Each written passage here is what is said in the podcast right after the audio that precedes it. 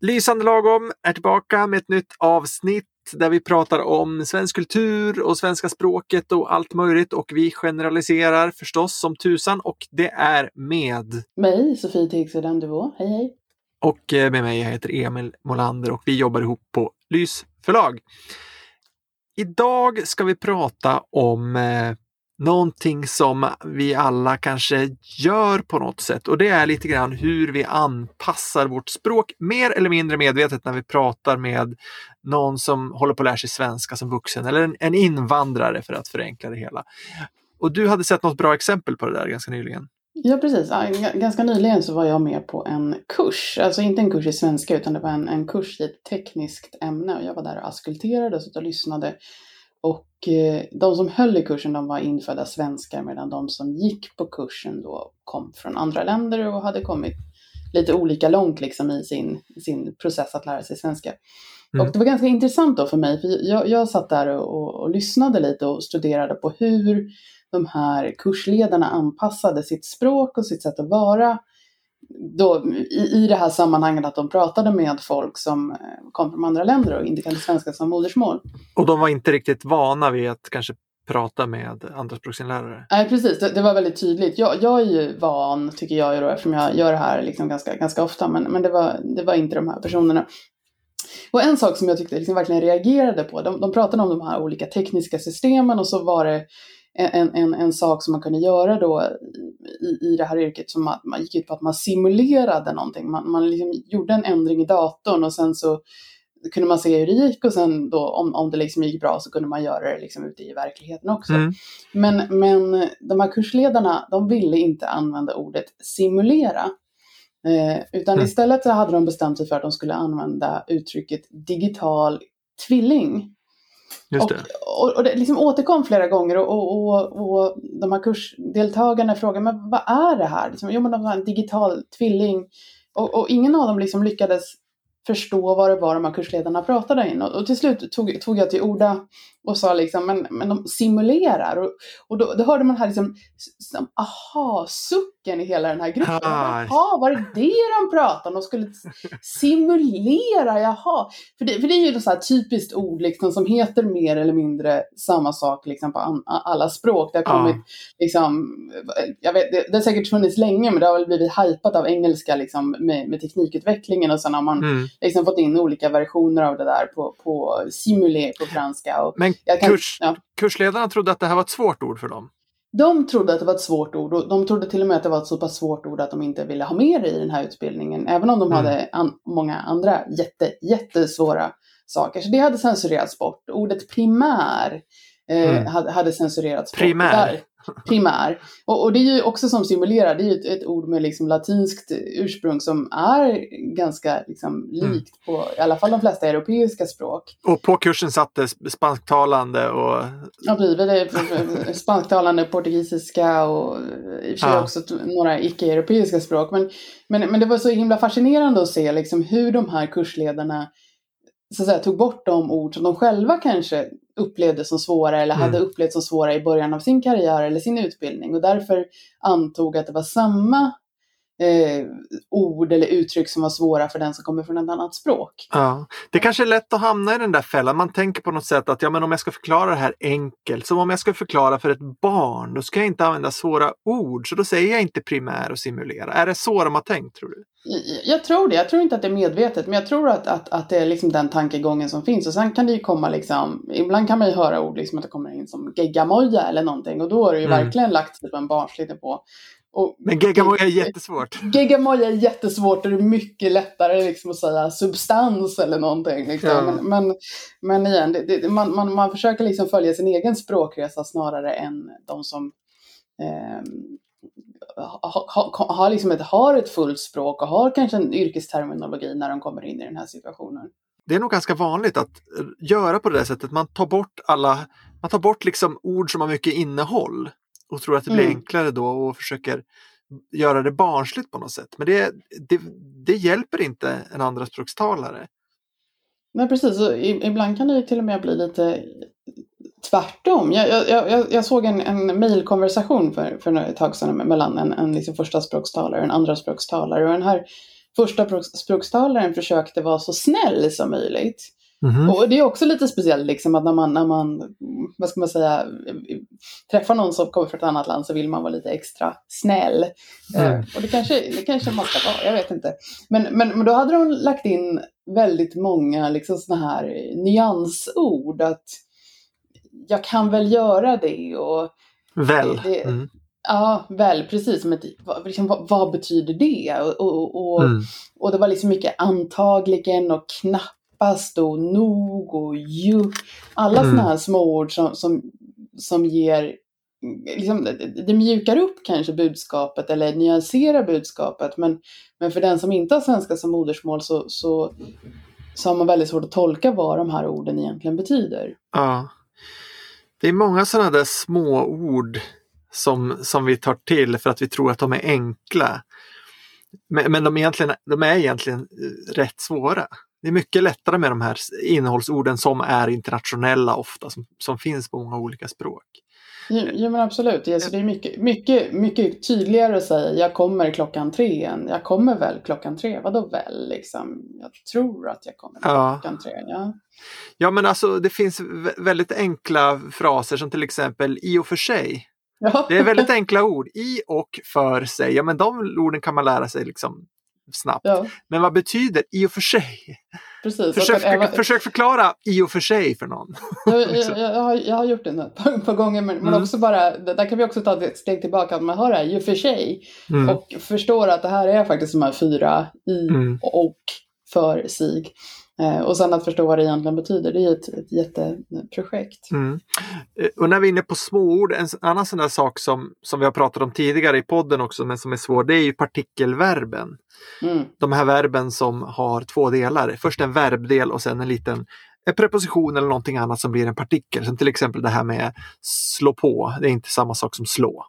Eller slå mm. på. Eller, eh, eller tycker om är inte samma sak som tycker sådana där är ju väldigt svåra för andraspråkslärare, andraspråksinlärare. Men, men för oss som förstaspråkstalare så är de enkla för att det, men vi tror att de är enkla. Slå och på, det är ju jättelätta ord, korta är de och sådär. Men tillsammans, att det är ganska svårt för en andraspråksinlärare att förstå att slå på inte betyder slå. Precis, och det, och det kan ju också bli, en, en, del av de här har ju liksom dubbla betydelser. Det var faktiskt också på den här, sa, samma kurs som jag pratade om förut, där använder de ordet ställer in och de använder det ibland för att prata om att man liksom inte skulle göra någonting, att man ställer in ett möte eller ställer ja. in en process. Men ibland handlar det om att man skulle ställa in temperaturen. Ah. Och, och ibland skulle man ställa in någonting i ett skåp säkert. Ja, ja, den kom inte upp, men, men den, den finns ju liksom. Så det, ja. det där är ju otroligt kontextuellt också. Och om mm. man in, inte så att säga har resten av ordförrådet heller så blir det ju väldigt, väldigt mycket eh, ja. gissningsarbete. Ja. Men de det höjde inte rösten i alla fall, de skrek inte. Nej, men precis. Det där, alltså det finns ju ett begrepp som heter foreigner talk. Och eh, det är även besläktat med det som heter teacher talk, alltså när man, man anpassar sitt språk och tror att man måste prata på ett visst sätt för att man pratar med en utlänning. Och då blir det ibland att man höjer rösten lite och pratar lite så här så att du ska förstå. Hör du? Förstår du mig nu? Man pratar långsammare och lite högre också. Eh, och det är så det, är naturligt på något sätt för att vi, ja, det ska höras tydligt tänker vi väl omedvetet. Jag tror inte de flesta gör nog inte det här medvetet. Men, men det blir liksom eh, det, det, kan kanske uppfattas som lite kränkande kanske för den som blir tilltalad på det där sättet. Eller vad tror du?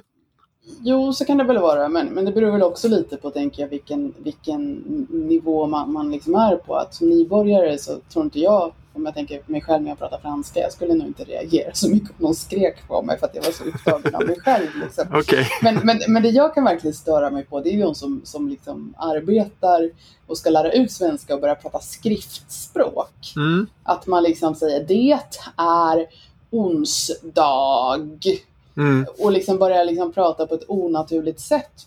Och visserligen kan det vara lite lättare att förstå för att må många som lär sig svenska kanske är mer exponerade för språket i skrift och, ja. och därför liksom så att säga känner igen ordet det eh, och inte det. Men, men, men man hjälper dem ju inte för att det, det är ju inte så att vi kan liksom förvänta oss att alla sen kommer börja prata skriftspråk med, med folk för att de kommer från andra länder. Liksom. Nej, precis. Alltså, det, alltså, jag, okay, jag kan förstå att man gör sådär om man är i en situation när man vill, där det är väldigt viktigt att informationen går fram på något sätt. Alltså det handlar om att mm. för, förstå varandra. Men om man som språklärare håller på sådär, och jag har sett ett skräckexempel på det när jag jobbade på eh, Hermods en gång i tiden. Då var det en lärare där som, som pratade så här med, med eleverna. Hon sa Ni läsa nu? Ja? Istället för att man, nu skulle läsa. Alltså, det, det är så... någon slags fragment där också. Ja, ni läsa nu, ja. Det är så dumt. Alltså, okej, okay, de förstod. De förstod vad du sa, men syftet med att vara i det här klassrummet är inte att de ska förstå vad du vill säga, utan syftet är att de ska lära sig en naturlig svenska. Då måste man använda naturlig svenska också. Inte bara prata infinitiv sådär. Nej, alltså jag tror att jag med åren som lärare har börjat anpassa mitt språk allt mindre för varje mm. år. Jag försöker jag har börjat prata mer och mer naturligt som mitt eget språk är. För det är det man måste öva på att, att lära sig. Så då ja, måste man höra det också. Men, men, men jag tänker, vi har ju ändå liksom anpassningar eller förklaringar och så. Och, och, och liksom vi, mm. vi, nu när vi har jobbat med det här ett tag så har vi ändå ganska bra koll på liksom vilka ord eller vilka uttryck eller vilka formuleringar som liksom andra språks talare liksom tenderar att haka upp sig på eller liksom där, där går budskapet inte fram. Jag, jag tänkte på en, en sak också som jag la märke till på den här kursen som jag nämnde i början. Det var mm. att de pratade om FN. Just det. Eh, Förenta Nationerna. Och det tycker jag är så typiskt exempel att jag tror, jag, jag förutsätter att, att alla i, den här, i det här klassrummet kände till organisationen FN. Men, men i tal, och det här var inte ens liksom, det, det visades ingen logotyp, det, det stod inte skrivet i skrift, utan man fick bara höra liksom FN. Ja. Och att, att då lista ut att först att, att det är en förkortning och mm. inte ett ord som liksom stavas E-F-F-E-N kanske. Just det, FN. ja, men precis. En F, FN, vad är det för någonting? Liksom? Alltså, det, det finns så otroligt många villospår. Att, att, att, liksom, att förstå att det där är en förkortning vi har nu, det är ganska svårt. Och mm. sen, sen komma ihåg vad den här förkortningen då kan tänkas stå för och sen liksom förstå vad det handlar om. Det är en ganska, det är en ganska lång mm. process. Liksom. Så att just där, även, även om liksom, och, och jag tänker att, att, vad som skulle hända där, typ, det händer inte nu, men som jag har sett i sådana sammanhang är att någon liksom räcker upp handen och frågar, men vad är FN? Och då utgår eh, liksom, svensk, svensktalande liksom att ja men har du aldrig hört talas om den här ja, organisationen? Den är ju liksom världskänd. Liksom. Just det, då börjar man berätta, jo det var så här att 1948 så började, ja så började man förklara vad organisationen är. Ja. Precis, men egentligen skulle man kanske rita den här lilla loggan med, med löven. Liksom, ja. och, förstår alla. Direkt, ja, eller så liksom. säger man Förenta Nationerna, redan där hjälper mm. det. Eller så säger man United Nations eller UN. Och, eh, eller så säger man ett exempel, ja men ni vet Unesco, Unicef, ja då kanske någon känner till organisationerna för då känner Precis. man igen orden. Och kanske komplettera med skrift också så man fattar, nu har vi med en förkortning här. Och, mm. och ja. alltså det, det, det är ju lätt hänt det där eh, att man tar till någon sorts förklaring som, som ligger nära eh, eller som är enkel. Vi pratar om här med att man förklarar så att barn ska förstå. Till exempel, eh, ett exempel är om man säger så här, eh, ska förklara någon apparat någonstans i ett fjärrvärmeverk som vi håller på att jobba med nu då. Till exempel att man säger, ja men den här den fungerar ungefär som en badkarspropp. Mm. Och det är som typiskt exempel på när man förklarar ett ord med ett ord som är svårt. Ännu svårare. Badkarspropp. Alltså den som har växt upp i Sverige har hört det där ordet. För att man har ett badkar hemma och så har man badat och så pratar mamma och pappa om badkarsproppen. Om man nu har svensktalande föräldrar. Men har man kommit till Sverige som vuxen så är inte badkarspropp ett ord som man lär sig. Kanske inte ens badkar, för de flesta har nog inte det hemma. Och propp är inte ett vanligt ord. Och om man pratar något språk i hemmet så är det kanske inte svenska. Så det där blir liksom, det blir precis lika svårt som det ord du skulle förklara vad det nu var. Mm. Men vad gör man, vad ska man, hur ska man förklara istället? Om man nu har en grej i den här fabriken som fungerar som en badkarspropp, hur kan man förklara det? Ja, den stoppar vattnet, den blockerar vattnet. Mm. Eh, ja, nå, någonting ganska enkelt. Men, men, men det där är ju väldigt bra poäng och att, att, att det är liksom ett slags, ett, nu ska jag inte säga hemspråk för det betyder något annat, men, men det är ju ett typiskt språk som man använder i en hemmiljö eller i en familjemiljö. Och, Ja. och om man kommer från ett annat land och inte är liksom integrerad i en svensk familj så är det, det den typen av språken är det sista nästan som man, man liksom själv lär sig. Ja, ett vardagsspråk. Ja, jag, jag bodde i Storbritannien ganska länge och, jag blev bra, bra på engelska. Jag kunde skriva liksom långa akademiska uppsatser och få högsta betyg liksom och sådär. Men, men jag minns att jag var eh, på, på något slags event och så hamnade jag på något sätt att jag skulle ta hand om min universitetslärares två barn. Mm. Eh, två pojkar som var typ tre och fem eller någonting. Och, och så hamnade jag och skulle sitta med dem och läsa några barnböcker för dem. Och det var ju liksom obegripligt för mig vad jag läste för dem. Det, det var liksom Ja. nonsens. Det var, det, var, det var bara ljud. Jag förstod inget av orden. Eh, och, det, och det var väl antagligen typ liksom gegga moja vovo brum brum eller någonting. Men, Ja, men eftersom, alltså, jag, jag levde i den här liksom akademiska miljön och liksom skrev om väldigt avancerade grejer. Men, men Ja. det där var ju ett stort liksom vit fläck på min karta. Mm. Ja, man lär sig det som man hå- håller på med, inte det som man inte, inte det som barn lär sig liksom alltid. Precis, och därför tycker jag också, det är många som tänker liksom att ja, men, ja, jag ska ju bli bra på svenska, jag ska sätta mig och läsa något riktigt, liksom, jag ska läsa barnböcker. Mm. Eh, och, och det där är ju ofta jättesvårt och barnböcker Ja. bygger ofta liksom på rim och ordvitsar och... Ja. Och en massa företeelser som är bekanta för barn. Exakt. Men det där med att skriva på ett enkelt sätt, alltså, det är ju inne nu med lättläst. Mm. Och det är många som använder det i undervisning och sådär också. Men jag har märkt att mycket av det som skrivs som lättläst är skrivet av någon som tänker på att ja, men jag skriver så att ett barn förstår. Mm. Och då blir det, då hamnar man i alla de här fällorna igen. Alltså, det blir inte enklare att förstå för den som har svenska som andra språk, som börjar lära sig svenska som vuxen. Jag kollade på några kommuner hur de har skrivit sina lättlästa webbsidor. Ja. Hittade några sådana här äh, problem. Det här med partikelverb som vi pratade om förut. Till exempel ver- partikelverbet ser till. Ser till, Ser till, att. är jättevanligt, det finns på alla, alla sådana sidor. Ett exempel från Umeå kommun, det är Vakin som är då avloppsbolaget som ser till att renhållningen fungerar. De ser De till att, ser till att ja vad är det de renhållningen... ser? Precis, så, så vad man tolkar där är att det är någon som ser någonting. Så man kanske tänker att de, att de tittar på, Mm, precis. övervakar på något sätt kanske. Mm. Ja, det är ju på ett sätt är det lite övervaka, men det ser till betyder att de genomför det. Att de, att de ansvarar. Så om man det- skulle kunna skriva ansvarar för istället så blir det tydligare. Precis, organiserar brukar jag använda ibland också. Med ansvaret. Organiserade kan vara bra. Och sen kan man prata om till exempel att man kan säga, kan du se till att det finns kaffe när vi har möte? Och då, det brukar jag säga som ett exempel och då betyder det att du Mm.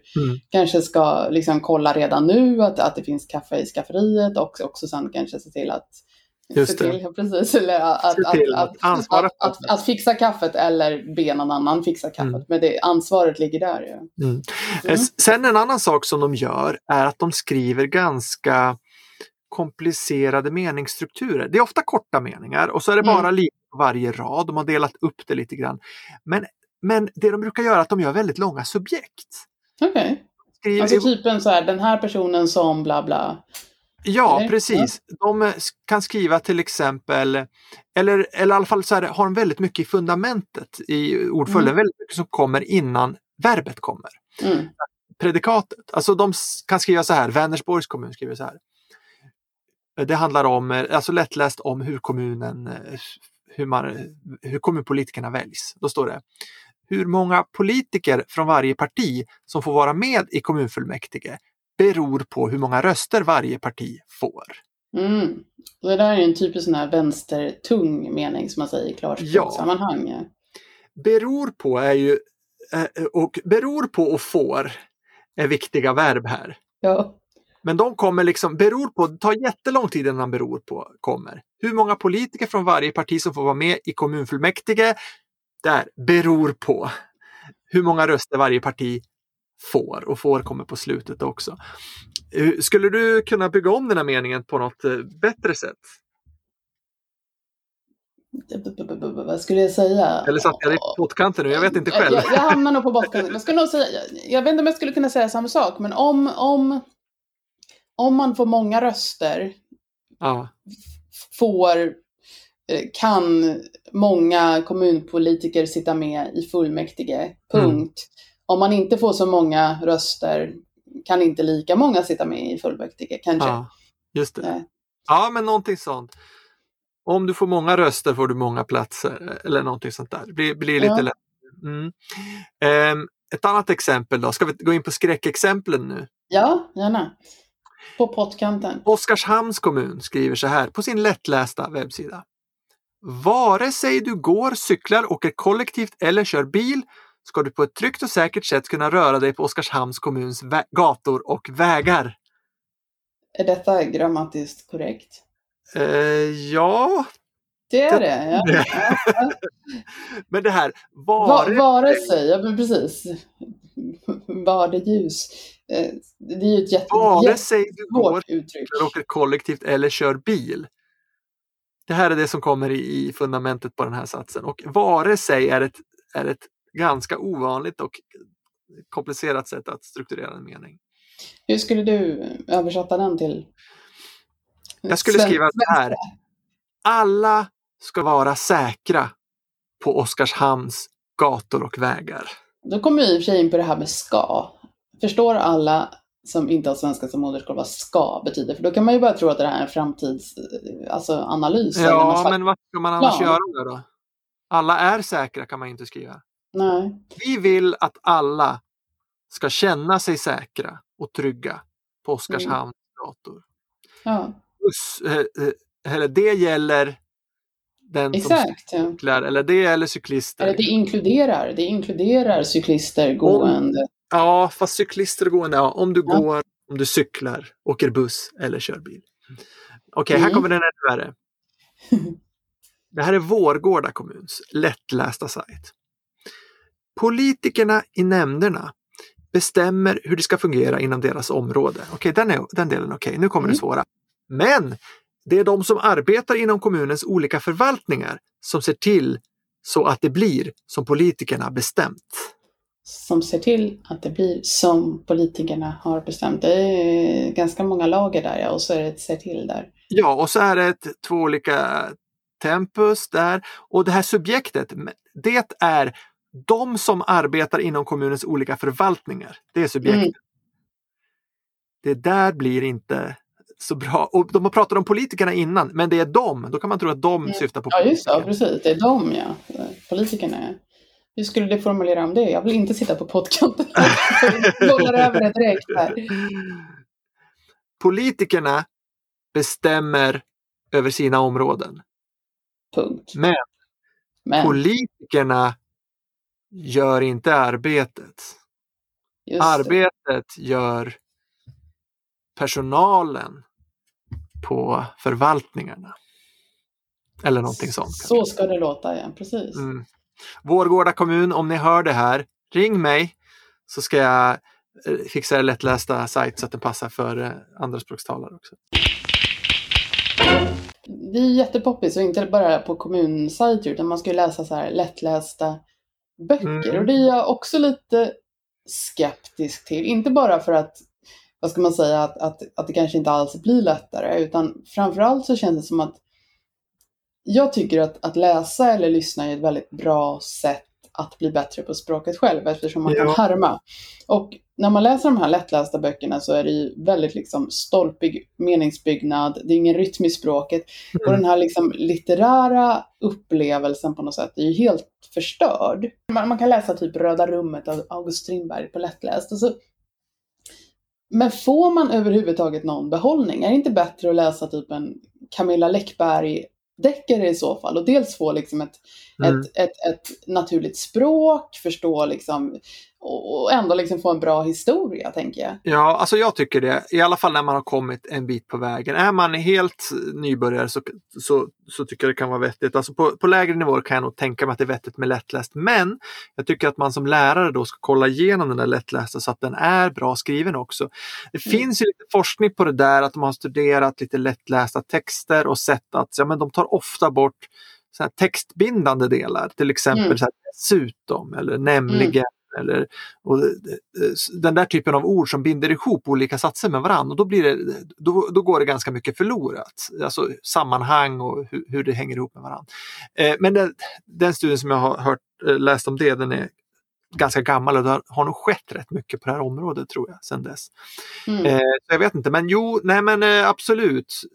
Är den, när inläraren har kommit en bit på vägen tror jag det är absolut mycket bättre att välja en, en bok som inte är lättläst men som, eh, som kanske är liksom mindre avancerad på andra sätt. Ja, vi tar Läckberg som ett exempel. Ja, men exakt. Alltså, till exempel en Läckberg-bok, där är ju en ganska liksom, tydlig struktur. Liksom. Någonting dåligt har hänt och man ska försöka förstå vad det var som hände. Liksom. Och det gör inte så himla mycket om man missar eh, någonting. Men om man ska läsa liksom, något, något stort litterärt verk, då, då, då kan man missa rätt mycket, tänker jag. Ja.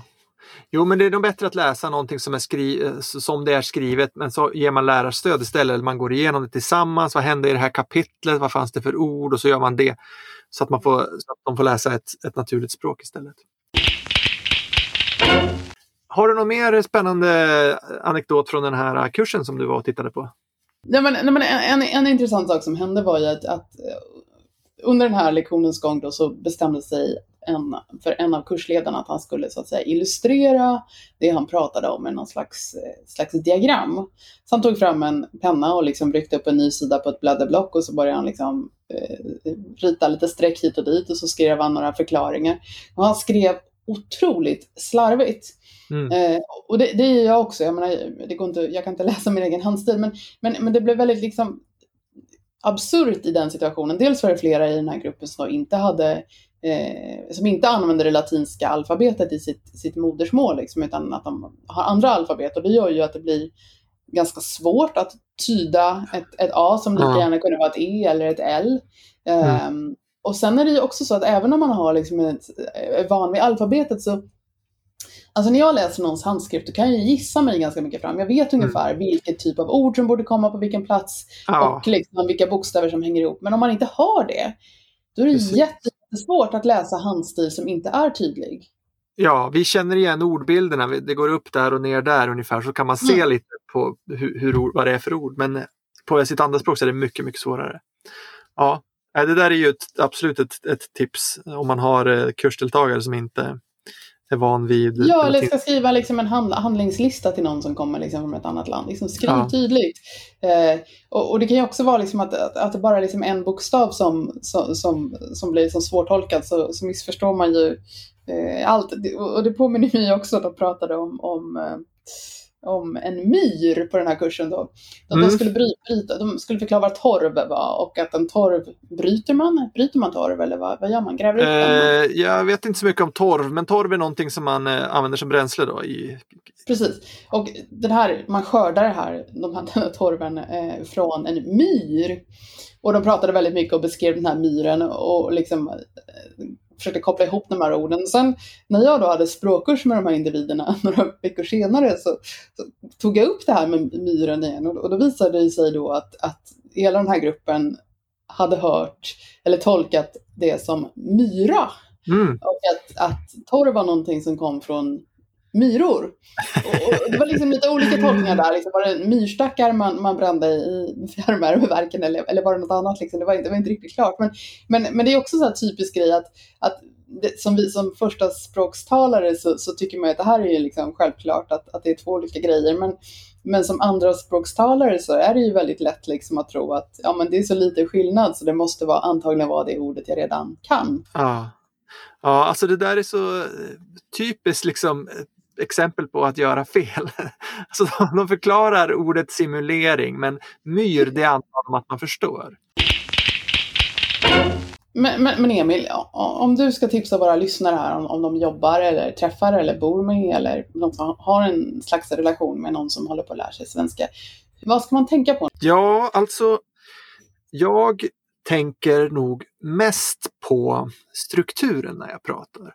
Mm. Alltså jag, jag, det var en eh, kursdeltagare en gång som sa till mig så här, men jag har svårt att förstå säger, men jag förstår allt du säger. Varför är det så? och då sa jag, men det, dels är det för att du är van vid mig, du hör mig varje dag här, men det jag gör är att jag försöker strukturera mig när jag pratar och jag har blivit ganska bra på att göra det liksom, automatiskt. Jag tar en sak i taget, alltså inte blanda flera olika informationsdelar samtidigt och liksom prata lite mer kronologiskt när man ska berätta om hur någonting ska göras eller så vidare. Um, så det, det är det ena, liksom att strukturera upp lite och att säga det första först och sen så tar du en liten paus och sen säger du det andra. Lite kortare liksom yttrande. Mm. Kort yttrandelängd eh, gör ju att det blir mycket lättare att förstå. Så det är väl eh, en sak. Annars så tror jag också att jag försöker visa vad som är predikatet, alltså vad som är det viktiga verbet i eh, satsen när jag pratar till exempel den där meningen som vi hade där eh, från den där kommunen. Om, om det tar lång tid innan det kommer ber, beror på. Så här, hur många politiker från varje parti som får med i kommunfullmäktige beror på hur många röster varje mm. parti får. Att man visar tydligt med verben där vad, vad, att det här, det här är ett viktigt ord. Och, det där, eh, och även, även substantiv också, andra innehållsord som, som, som, blir, som är viktiga i kontexten, de brukar betona extra tydligt. Mm. Och att paketera in... dem, tänker jag, att jag, när jag tar den här meningen, att jag nästan liksom tar händerna och, och ja. man, man ser varandra liksom visa det här är ett paket. Liksom. Ja, exakt. Kroppsspråket. Vi behöver inte kalla det fundament eller predikat eller någonting, för det, det kan bli för avancerat. Liksom, eller ja, fel. Jo, visst. Man, visar här liksom paket 1, paket 2, paket 3. Mm. Mm. Det jag inte gör är ju att prata jättelångsamt. Nej. Det gör jag sällan. Som sagt, jag pratar snabbare och snabbare tror jag med, med andraspråkstalare. För att jag vill ha ett naturligt tal. Men det som jag betonar, det betonar jag extra mycket. Jag gör stor skillnad på det som är betonat och det som är obetonat. Och det mm. som är, nu sa jag och det som är, men jag sa, och det som är, jag sa det ganska fort, det som är betonat och det som är obetonat. Alltså, det, det, där som är obetonat säger jag lika fort som vanligt med min naturliga snabbhet, för det blir tydligare då. Det mm. där är ett misstag som, som vissa gör, att de tror att man ska säga varje ord lika tydligt. Men då blir det bara svårt för den som lyssnar att höra vad det var som var viktigt där. Alla ord vi säger har inte med sig lika mycket innehåll. Det är mycket bättre om man... ja, det var mitt t-shirt talk. Så det är mycket bättre om man lägger krutet på de som har mycket innehåll. Jag tänker en, en, annan sak som man, man, man kan använda sig av, det är ju liksom vilka referenser eller vilken världsbild eller liksom vilken värld lever andra språkstalaren. Att, att man så att säga placerar lite så product placement, men, mm. men liksom att man kan hänvisa kanske till, till liksom filmer som jag tror att den här personen har sett, platser ja. den här personen har varit, kanske företags eller vad ska man säga, eh, märken av olika slag. Att, att man liksom, jag tycker det är ganska stor skillnad när man pratar mot ett barn som liksom inte har någon, vad ska man säga, kunskaper i geografi eller historia. Liksom. Men, men när man pratar med en andraspråkstalare så kan det vara jättebra liksom, att dra in Napoleon i, i, ja. i ett samtal. För det, på något sätt kan man liksom ge någon slags ingångs vinkel till det man säger, någon slags referens liksom, som man redan har gemensamt. Ja, det finns ganska mycket sånt där som är rätt så internationellt och, och har man någon sån där referens från den personens liksom, närområde så, mm. så funkar det extra bra. Om du har någon från Mongoliet så säger du istället för Napoleon så säger du Genghis khan. Exakt. Då, då, blir det, då blir det ännu bättre. Så att eh, är man lite allmänbildad så kan man också få, få till det där rätt så bra. Exakt, eh. och det tänker jag också när man har jobbat med det här tag. Man vet ungefär vad liksom man äter i olika länder och sådana där saker. Så man ja. liksom lätt, ganska snabbt så att säga, får en ganska bra uppfattning om ja. vilka referenser den här personen har. Precis, om du ska förklara Bellman för någon som är från eh, Mellanöstern, då kan du säga ja men det här är Sveriges Mullah Nasruddin. Exakt, och istället för att liksom, ja, det var en gång en gubbe som... Ja. ja. men, eh, jo men precis, det där, man ska inte tänka som man förklarar för ett barn. Till exempel om du ska förklara bil så säg inte brum brum. Nej. Utan, Utan då säger du Mercedes, Toyota, ja. Saab, Volvo ja. eller någonting. Ja, precis. Om de nu inte kan ordet bil, men det tror jag de flesta kan. Det finns en jättebra bok för den som vill fördjupa mm. sig i det här och den boken är skriven av Sofie Tegsveden Duvå. Hej, hej. handbok i välkomnande svenska. Det var två år sedan nu den kom ut, men den är fortfarande väldigt bra. Den tar upp jättemycket av det här som hur man kan göra för att anpassa sitt språk. Eh, framförallt inriktat på arbetsplatsen. Handbok i välkomnande svenska. Finns som e-bok för lågt pris på lysförlag.com och så finns den som vanlig pappersbok också i handeln. Precis, så jag tänker det, det, framförallt går den ut på, liksom, det är inte så att du plötsligt ska bli någon språklärare här, utan Nej. den är skriven och tänkt att liksom, ja, man kan anpassa saker lite, men, men saker ska rulla på som vanligt ändå. För det är väl kanske också en sak som jag kan bli irriterad på. Liksom. Det kommer in någon på någon kurs liksom, med skräck i ögonen och så liksom. Ja, men igår frågade jag min, min liksom, kollega om hans, hennes, sin, sitt, sina. Och så har de fått liksom en total förvirrad utläggning på tre timmar liksom, om någon triangeldrama som liksom bara ja, det. situationen. Förklara inte grejen inte kan. Liksom. Prata istället, ge personen chansen att och liksom snacka och vara trevlig tillbaka och liksom skapa en relation ja. så kan vi, vi som jobbar med det göra jobbet. Precis, det där är ett bra tips som du har där i boken. Att om du vill hjälpa någon med svenska, men försök att inte hålla på att hjälpa personen med svenska utan bli kompisar istället. Prata med varann och, om allt möjligt och gör inte språket till en grej hela tiden. Försök, ja, försök umgås. Ja. Så, eh, det är bästa ni kan prata mat, ni kan prata filmer, ni kan prata bästa utflyktsmål och så vidare. Det finns mm. jättemycket att prata om. Och det är också det som många andraspråkstalare ofta är ganska ledsna över, att de inte har någon att prata svenska med. Så mm. där kan man göra en enorm insats. Mm. Eh, handbok i välkomnande svenska, det var reklamen eh, för den i det här avsnittet. Ja, hör gärna av er till oss. Vi finns på Twitter, eh, Lysande lagom eller våra namn. Och vi finns på Facebook. Vi finns också på podd.lysförlag.com. Det är så roligt när folk skriver, så gör gärna det. Ja, eh, lyssnarfrågor. Ja, det gillar vi. Ja. Tack ska ni ha och vi ses. Hej då! Hej då!